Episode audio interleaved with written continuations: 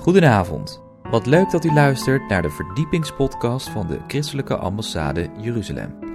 Mijn naam is Joshua Beukers en samen met Bijbelleraar Jacob Keegstra zenden wij weer een nieuwe aflevering uit hoe de Hebreeuwse wortels een verdieping kunnen geven aan ons christelijk geloof. In aflevering 160 gaan wij het hebben over Sukkot, het Loofhuttenfeest. Wij wensen u veel luisterplezier.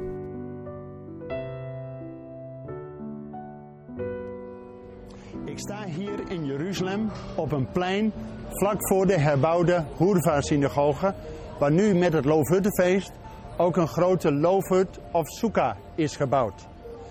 En Israël is gewend om tijdens het Loofhuttenfeest te bidden met een lulaf.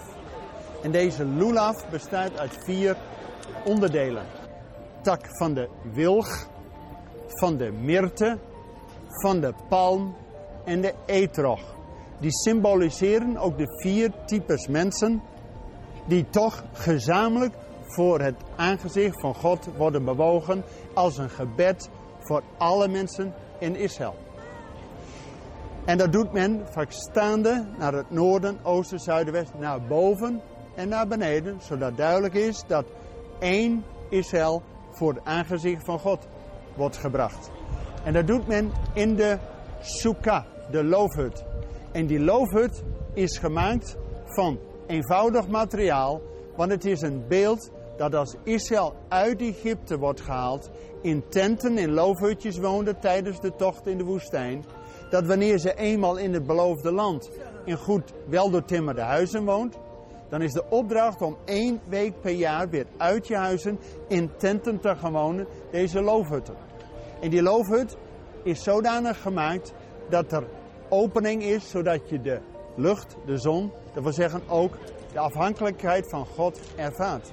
En het dak van de loofhut bestaat uit deze drie onderdelen.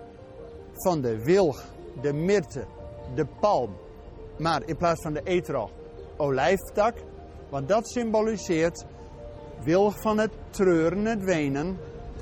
De olijf van de zalving. De myrte van de vreugde. En de overwinning van de palm.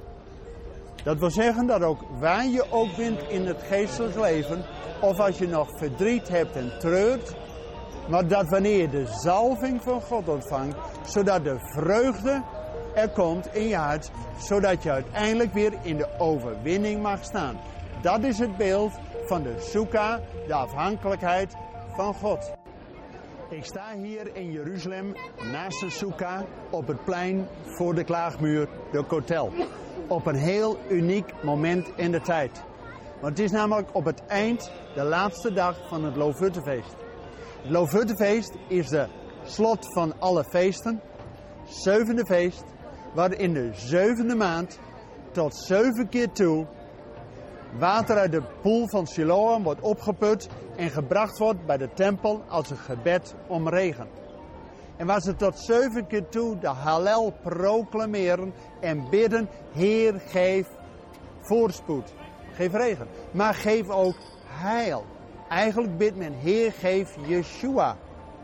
En in het Nieuwe Testament, Johannes 7, lezen we dat Jezus ook precies op dat moment bij de tempel is en gaat staan en zegt, wie dan dorst heeft, kom tot mij en drinken en een bron van levend water zal uit uw binnenste komen. Dat profeteerde hij dat de geest komt voor een ieder die gelooft in hem. Dat is de boodschap van Hoshen Rabba, de climax van het Loofhuttenfeest, hier bij de westelijke muur van het tempelcomplex. We zijn aan het einde gekomen van deze podcast van de ICEJ. Waardeert u onze podcast? Steun ons dan. Dat kunt u doen door een donatie of door deze podcast te delen met uw vrienden of familie. Ga naar icej.nl. Volgende week volgt er uiteraard weer een nieuwe aflevering van de Christelijke Ambassade Jeruzalem. Ik hoop dan dat u wederom naar ons gaat luisteren. Hartelijk bedankt voor het luisteren en tot volgende week.